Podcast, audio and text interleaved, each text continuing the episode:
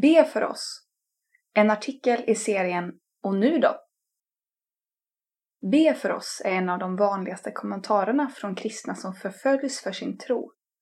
Det är en vädjan till alla deras trosyskon världen över, även dig. Be nu. Ta dig an uppgiften och stå med dem i bön. Be följande ord eller be fritt från hjärtat. Herre, vi ber för alla syskon världen över som just nu förföljs för ditt namns skull.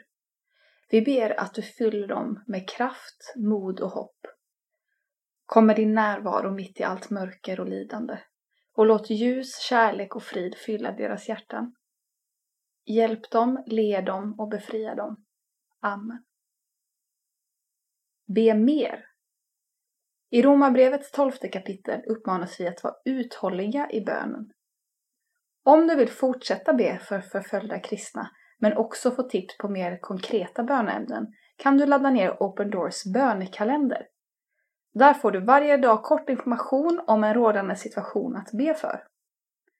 För smidig åtkomst till kalendern kan du lägga till följande länk på din mobils startskärm. www.open-doors.se be